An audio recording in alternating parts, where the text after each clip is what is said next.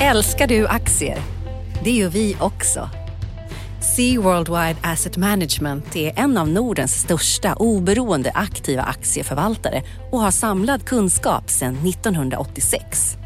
Ta del av vår kunskap på seaworldwide.se. Bokstaven C, worldwide.se.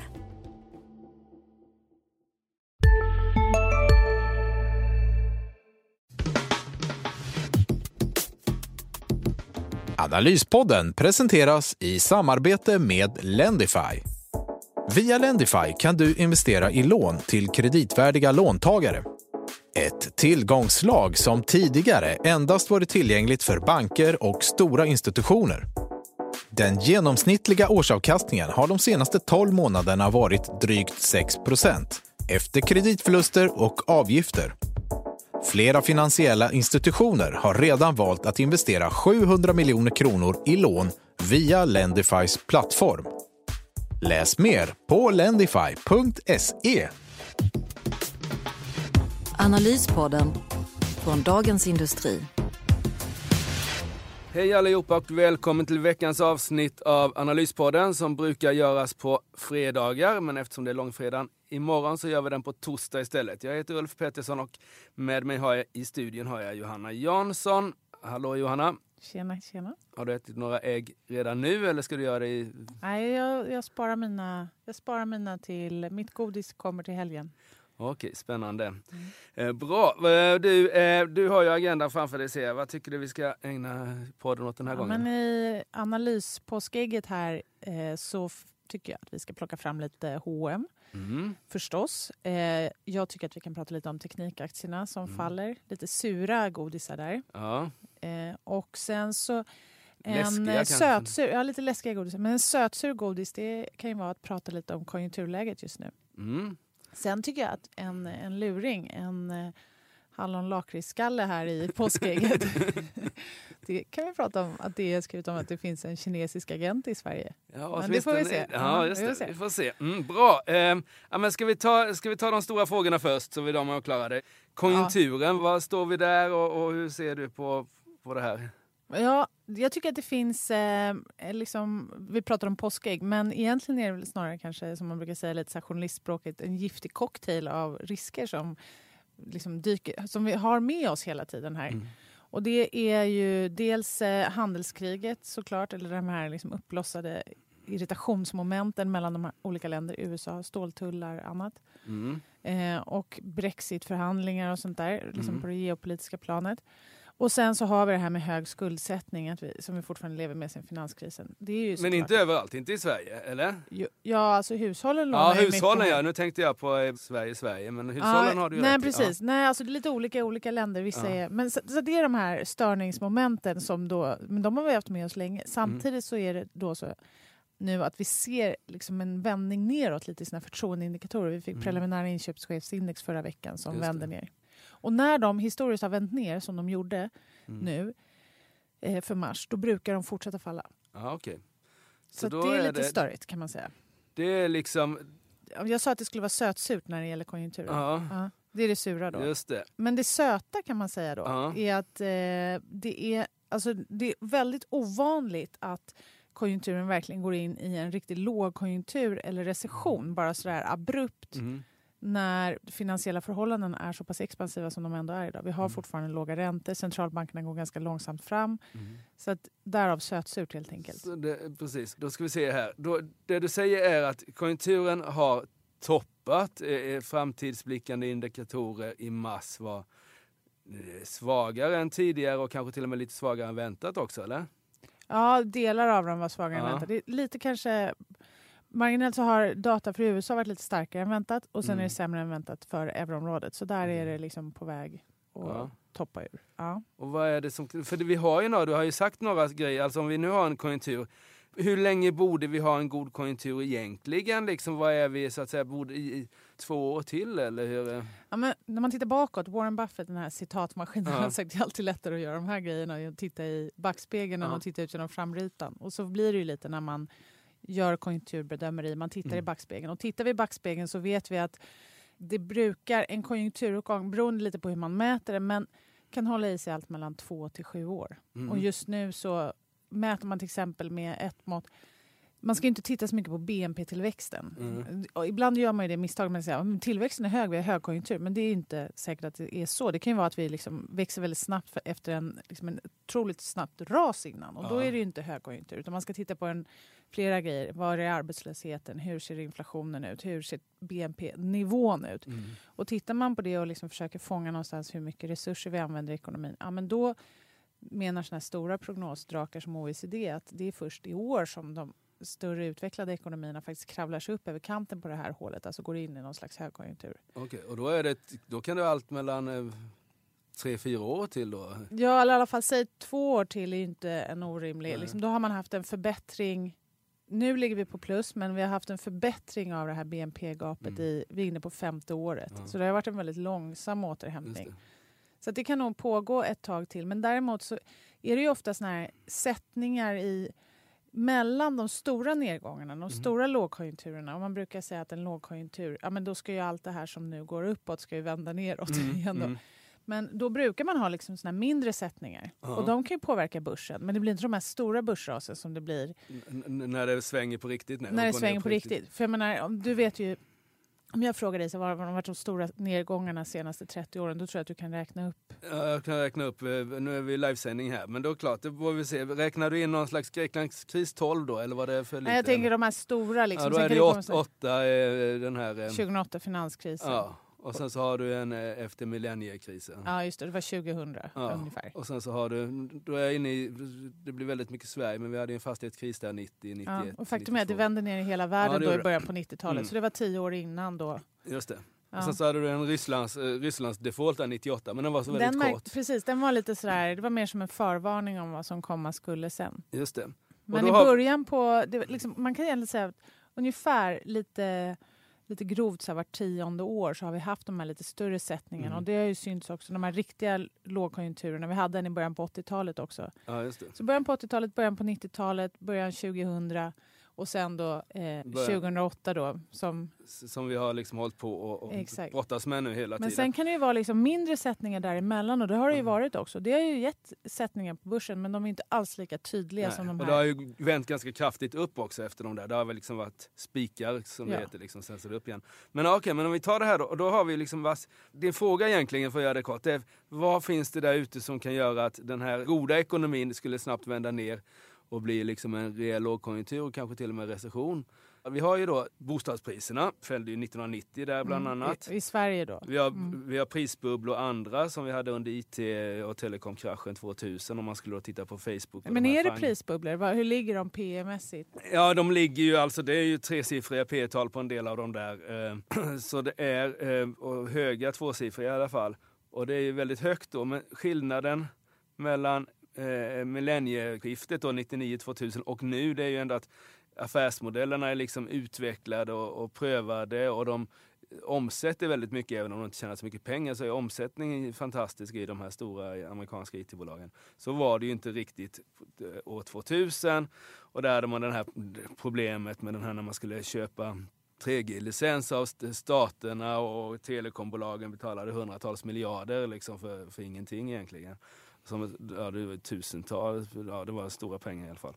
Där är vi inte riktigt än, men det är klart att det kan ju gå ner de här Facebook och de där, men jag tror inte de går ner så pass mycket så att det liksom påverkar den, eh, ska vi säga, Globala ek- ekonomin Nej, det, hela- det nej. tror jag inte. Det kan påverka finansmarknaden och hittills har vi varit ganska, det är klart vi åker med ner när det sker sådär, men det har ju varit rejäla ras på Nasdaq och vi är ändå liksom, ja vi har backat 3% i mars men det är inte sådär jättefarligt.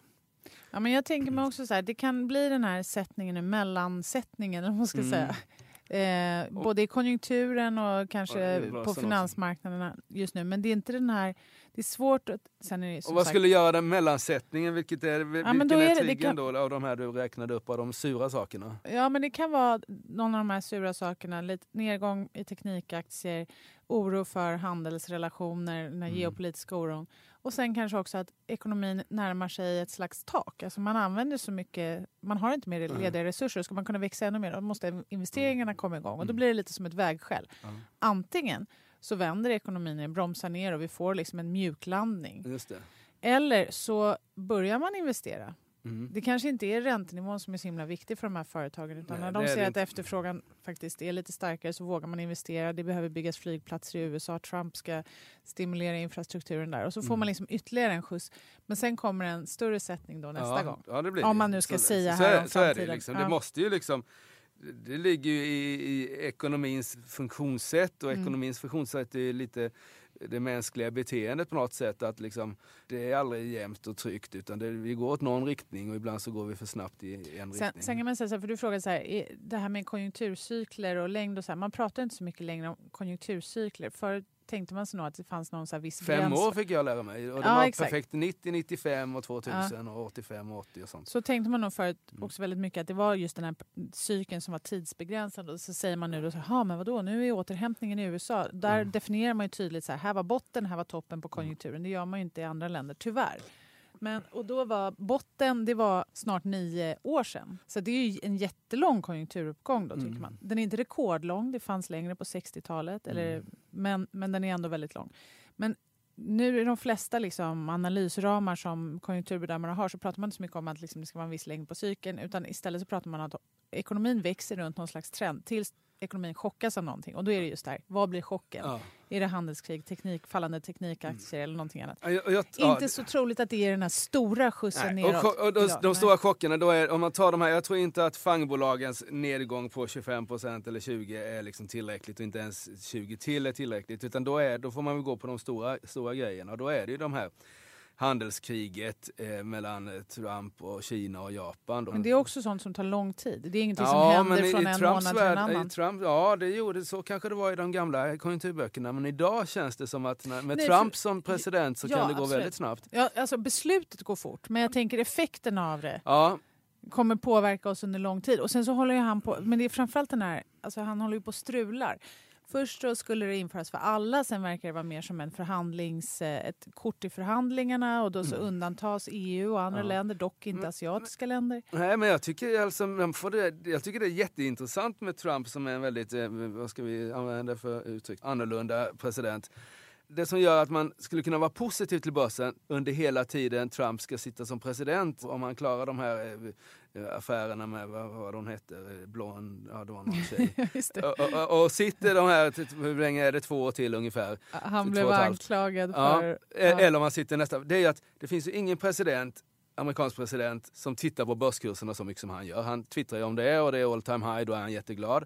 Och han är helt fokuserad på att det liksom ska att hans presidentperiod ska liksom börsen vara på all time high liksom, så han kan sitta och säga det på eh, ålderdomshemmet om 20 år eller 10. Um, ehm, och då tror jag han är beredd att liksom göra ganska mycket. Om vi tar det här handelskriget mot Kina, han är beredd att lösa det där på en vecka om han känner att det börjar bli skakigt i, i, på finansmarknaden. Och han kan ju bolla in, om vi tar det här Nordkorea som liksom var det vi pratade allra mest om bara för ett par månader sedan. Som är liksom, nu verkar det ju vara som att Nordkorea ska lägga ner sina kärnvapen och det har inte, det är liksom en superhändelse. Det är ju liksom tre, fyra decennier ja. som de har hållit på med det där. Och det kanske gör så att Trump bakar in förhandlingen mellan Kina, Sydkorea och, och Nordkorea i handelsgrejen så han kan liksom komma ur ett handelskrig, eh, det här hårda spelet mot Kina på ett jättesnyggt sätt genom att ha skapat fred med Nordkorea och blivit av med kärnvapen där. Och så, liksom, och så blir liksom allt bra igen. Det känns som det är en spelare som, som liksom, och, en, och en förhandlare och liksom en, som ställer mycket på ända och det går liksom väldigt snabbt att skicka ut liksom 60 ryssar sådär bara mm, på en mm, eftermiddag. Nej, jag håller verkligen med dig. Den här politiken som stökar just nu, det kräver ju dels tid av politikerna. De hinner inte göra särskilt mycket annat mm. än att hålla koll på det här. Då, då, är ju risken att tillväxten som sagt hålls tillbaka långsiktigt och sen så kan det ju vara som en chock. Liksom. Men ja. det kan, precis som du är inne på, det kan vara både positivt och negativt. Ja. Löser man Nordkorea, vilken grej. Ja, man ska väl inte säga att jag litar på Trump, kanske man inte ska Nej. säga. Men jag, jag, jag, jag är ganska övertygad om att han är väldigt mån om att börskurserna ska gå ja, upp. Liksom. Ja. Och det, det, det, är viktigare för honom än att vara princip, för han är inte särskilt principfast. Ja, liksom. Han var ju, det, det liksom varierar och det är det som gör det så osäkert för oss. Men man, om man liksom listar ut vad det är han vill. Jo, han vill ha stigande börskurser, då kanske man ska gå på det. Så egentligen så, så tror jag nog att man ska nog vara med i, i, liksom finansmarknaden för presidenten i USA är det på alla möjliga sätt. Ja, så är det säkert. Och som sagt, han, nu ska ju USAs ekonomi stimuleras mm. ytterligare. Ja. Och jag tror att tittar man på Och skatterna här, sänks nu då. Skatterna mm. sänks och de ska spendera mer. Så det, och det är ju sånt som kommer lyfta tillväxten ja. i år. Och då är den spännande frågan, tycker jag, alltså ska man ta liksom något som du inte riktigt nämnde här bland alla de här sura grejerna. Det är ju liksom det som verkligen är skulle kunna bli supersurt det är ju eh, räntorna i USA. Om de skulle börja, nu har ju faktiskt de backat här, men om de skulle börja stiga igen som de gjorde här som sänkte börsen eh, när de gick från 2 till nästan 3 procent. Absolut, det håller jag helt med om. Det, det, tror jag, det kommer vara den stora grejen. Alltså, de här skuldsatta, både hushåll, stater, det kan, ja. vara, eller det kan vara detaljhandelsbolag ja. som har lånat med företagsobligationer. Och, att man liksom, och, då skulle liksom, och vad är det som ska driva upp de mm. amerikanska räntorna då? Ja, det är klart att nu höjer ju Fed räntan, blir det, två gånger till eller tre kanske i år. Mm.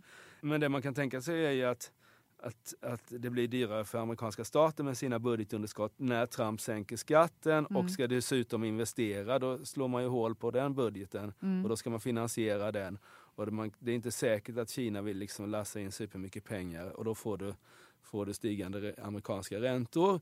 Och jag tror, jag tycker de här, det är, liksom, det är snyggt och jämnt och bra. De här 3 procenten på amerikansk långränta är då tror jag det är många som väljer eh, statsobligation istället för aktier. För då har, man liksom, då har räntan nått... Men vet du, precis det du säger talar ju för att räntorna ändå, det finns ett lock för. Väljer man statsobligationer istället för aktier, så länge, då trycker man ju ner de där räntorna jo, igen. Det, det, det, det, gör det, ju, det gör det ju. Men... Och det är därför jag tror att, eh, jag är säker på att stigande långräntor är den största liksom, dämparen mm. för konjunkturen. Men det är bara mm. att jag är inte lika säker på att det kommer nu, här, den Nej. närmaste månaden. Nej, det, Utan det, här kommer vi, det här kommer vara ett orosmoment. Det kan vara ett orosmoment i ett eller till och med två år ja. framöver. Ja, det kan det vara. Det och... Sista dagarna nu på vårens stora season sale. Passa på att göra sommarfint hemma, både inne och ute. Och fynda till fantastiska priser. Måndagen den 6 maj avslutar vi med Kvällsöppet i 21. Välkommen till Mio. CSRD, ännu en förkortning som väcker känslor hos företagare. Men lugn, våra rådgivare här på PWC har koll på det som din verksamhet berörs av. Från hållbarhetslösningar och nya regelverk till affärsutveckling och ansvarsfulla AI-strategier. Välkommen till PWC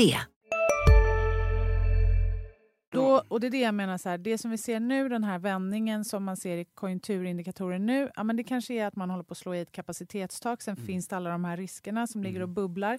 Eh, och sen kommer vi säkert ha en större sättning längre fram också. Ja. Eh, Nej, men jag, är ganska, men, ganska, jag är ganska optimistisk om börsen, ska vi säga, liksom, på kommande månaden här eller något sånt där. Vi har liksom ett 200 miljarder inflöde till börsen, de här utdelningarna som liksom bara vänder hos eh, fond, fondförvaltarna och sen så köps aktier för igen.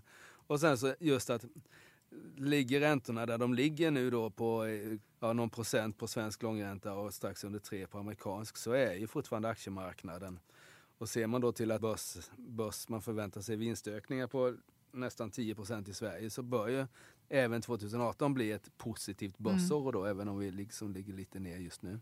Ja, men så kan det vara. Sen mm. som sagt, det är prognoser. Men, eh, men jag, jag, jag, säger som du, det här, är, det här med stigande räntor, ja men absolut. Ja men det skulle kunna bli mm. en, alltså om, om det börjar bli, nu vet ni, nu har jag inte sett liksom någon statistik på hur, hur, om Trump får bestämma vad blir budgetunderskottet i USA då, men då är det väl liksom det handlar väl om procentenheter av BNP? Ja absolut, det är, det är liksom... jättemycket pengar. Men som ja. sagt, det är, vi får se.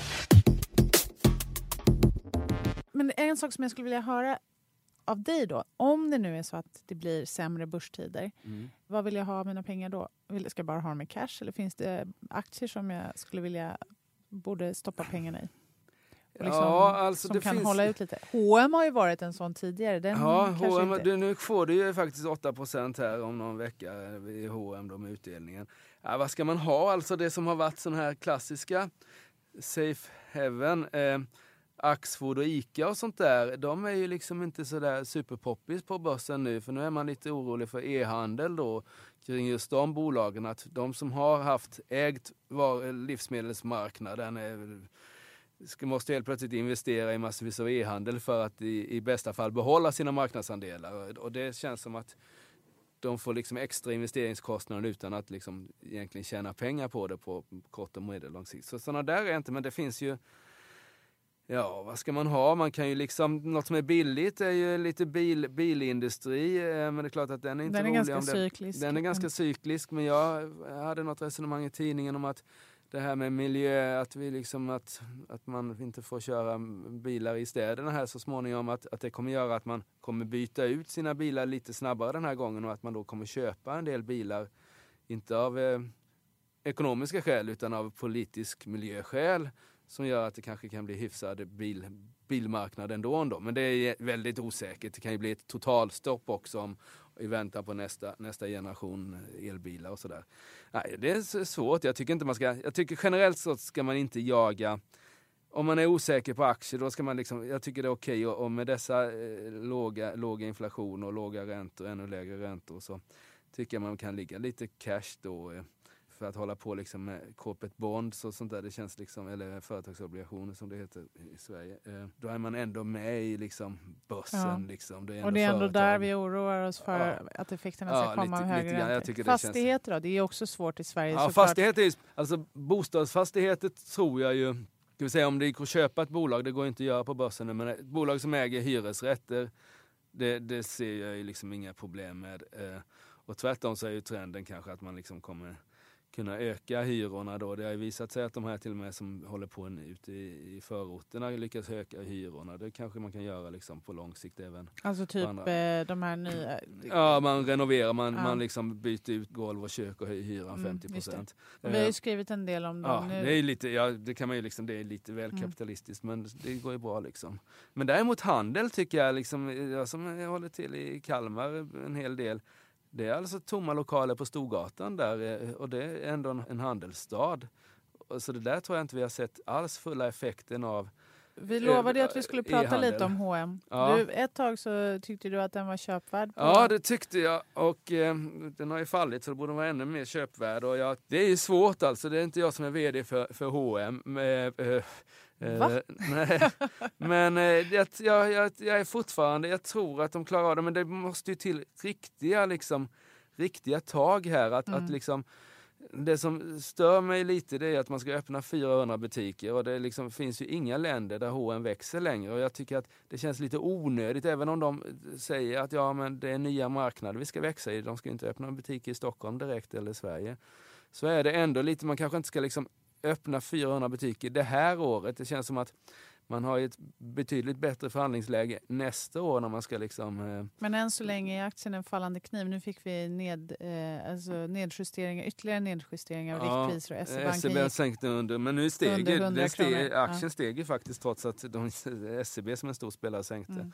Så det var, lite, det var lite intressant att säga då. Men, men eh, jag skulle vilja veta hur mycket man kan spara på att på att ta bort de här 200 butikerna. Men det är klart, ska man öppna 400 så blir det ingen besparing. Jag skulle nog sagt att jag skulle vilja ha haft nolltillväxt i, i kanske till och med lite minustillväxt. Alltså butiks, net, netto neddragning i butik. Ja.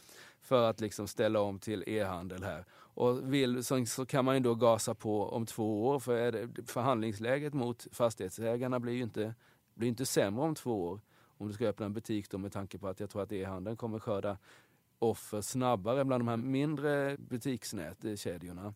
De kommer ju kasta in nycklarna snabbare än H&M och då kommer det stå tomma fina lokaler där och då behöver kanske inte H&M liksom gasa på nu. Det är något som den brittiska detaljhandelskedjan Next, de har ju förhandlat ner sina hyror och lyckats. Ja, och det ska Kappahl göra här och H&M har liksom inte varit, eh, har inte sagt att de ska förhandla om, men det antar jag att de förhandlar om mm. liksom hyrorna. För jag menar, intäkterna är ändå ner per butik 8-9 procent och har man, då borde ju hyran också minska 8-9 procent tycker man om man är omsättningsbaserad hyra. Det är inte färdigt. Är det en fallande kniv?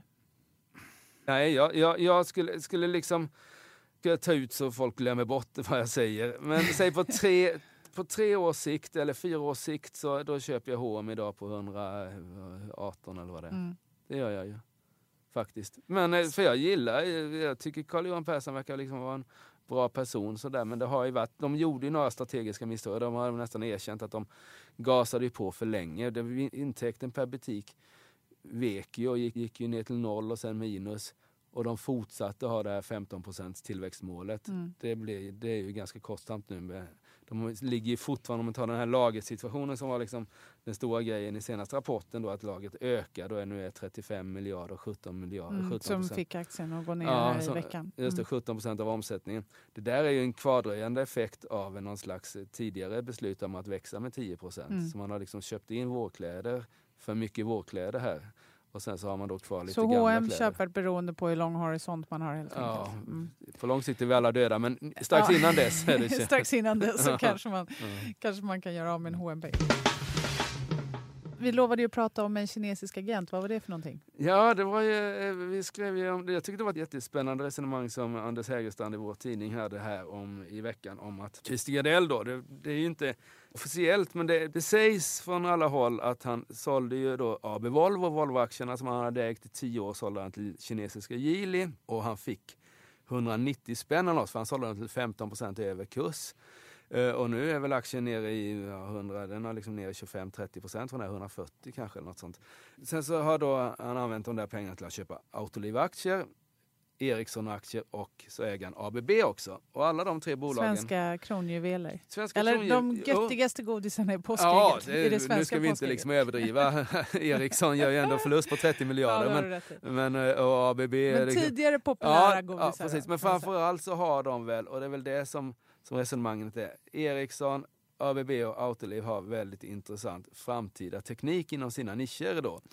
Och Kina med den här eviga placeringshorisonten som vi brukar säga att de har, skulle då kunna vara intresserade av det här och då är liksom tanken från Anders Hägerstrand som han har pratat med folk att jaha men då är det liksom eh, Gardell inser det här, han köper de här bolagen och han, vet, han ser en köpare om det liksom om det inte går så bra eller det finns en potentiell tagare av som inte bryr sig så mycket om börskursen utan som ser till tekniken i bolagen, nämligen kineserna. Och det är jättesmart tänkt om man nu tänker så. Nu har ju Gardell förnekat det med en fas här, det förstår jag. För det är klart att det är inte Det är kul inte så att bli... politiskt korrekt. Det är inte så politiskt korrekt. Särskilt att, i dessa dagar när det börjar bli okej med lite nej. China-bashing. när, alla, när alla andra liksom är rädda för att kineserna ska ta över världen så skulle då Gardell sitta här och tjäna pengar på det. Det känns ju liksom eh, det känns ju spännande. Men eh, ja, som sagt var, har det funnits en sån tanke, vilket inte jag har någon aning om, så dog väl den. Jag tror att det ska mycket till innan Gardell vågar sälja sina Autoliv-aktier till ett kinesiskt bolag. För då är det liksom en gång, ingen gång, två gånger, en gång, gång som det brukar heta. Eh, En kinesisk omgång. Ja, Ja. spännande. Så, men det, det, var, det var en Men kul, håller du med om att sentimentet har vänt lite? Är det Donald Trump som har fått oss att vända blickarna mot Kina och frå- ifrågasätta om de faktiskt beter sig helt schysst här på Ja, det har väl, det har väl funnits, det har väl funnits liksom till och från det här med eh, att de inte liksom kine, eller de fick inte köpa några hamnar och lite det här industrispionage och sånt där. Men visst, nu är det på, det kan det vara Trump. Men jag menar, eh, jag tycker det har varit ganska mycket mot Ryssland också. Alltså det stora som hände var ju att EU gick samman liksom, tillsammans med USA och skickade ut massor av ryska agenter till följd av det där. Mm, ja, det, men det, är, det är en jättestor grej. Det Absolut. Så det, Men det tycker det är för mig är det lite annorlunda. Kina har man ändå haft så här, om man har varit frihandelsvän och liberal, Ja. som man säger, så men det är okej. Det må vara en totalitär stat, men det är okej. Nej men så var det alltså det här, det, det, men det hette ju för, nu vet jag inte hur länge sedan det var, fem, sju år sedan det här att, att den kinesiska yuanen var kraftigt undervärderad, den är ju peggad mot dollarn och sådär, att den borde liksom revalveras med en massa procent. Det var liksom en jättestor grej för Mm. några år sedan. Sen så har den där varit borta i, Men de har ju släppt, agendan. just valutan har de ju släppt. de och släppte de, lite grann där. Ja, man kan säga de började med, det som en flerstegsraket, de började med handel, ja. kom med i WTO i början av millennieskiftet och liksom handeln exploderade, blev Mm. nummer ett på handel och sen så nu börjar de öppna upp sin finansmarknad och försöker göra det här gradvis såklart. Mm. Har en lite mer flexibel valuta än vad man hade förut.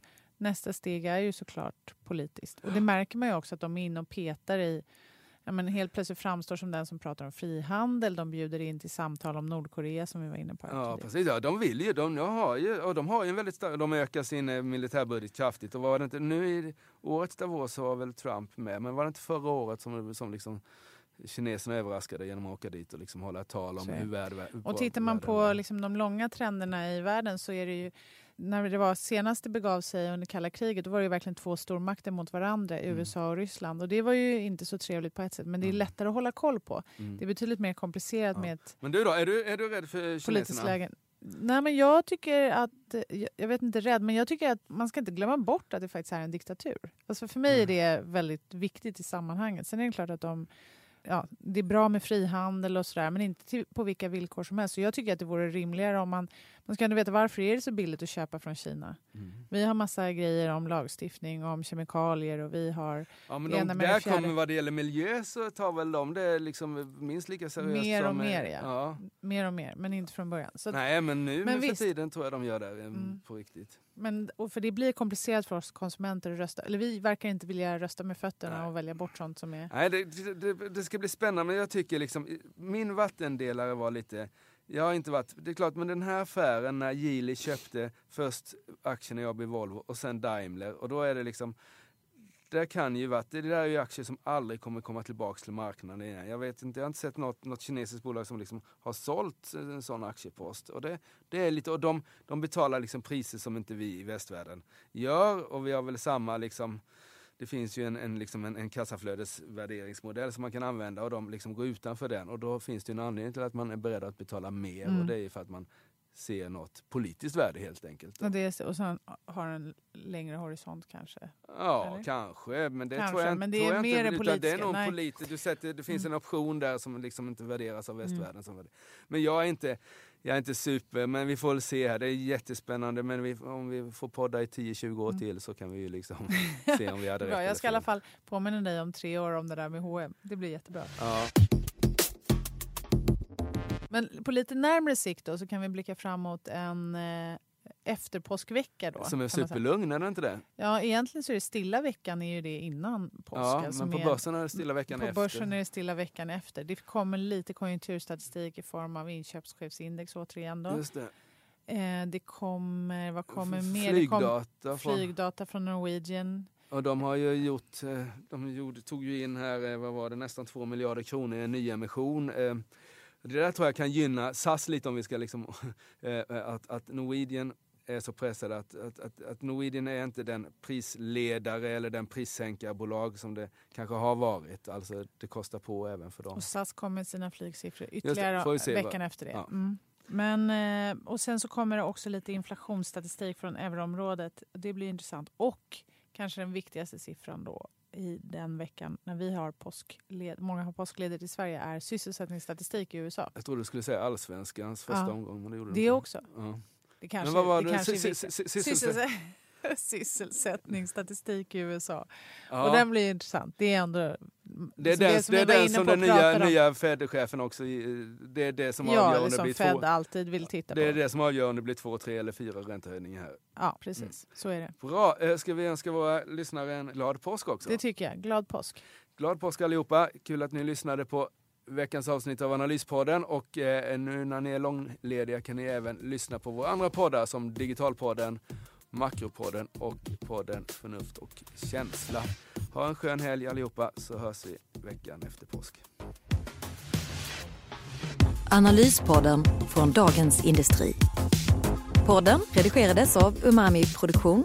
Ansvarig utgivare Lotta Edling.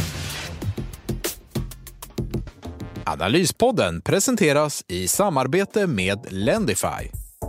Via Lendify kan du investera i lån till kreditvärdiga låntagare.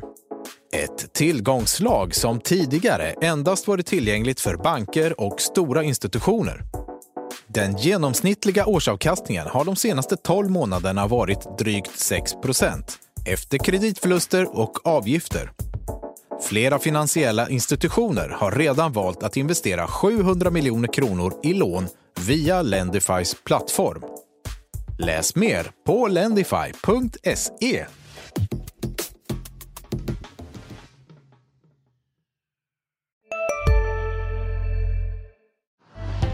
Älskar du aktier? Det gör vi också.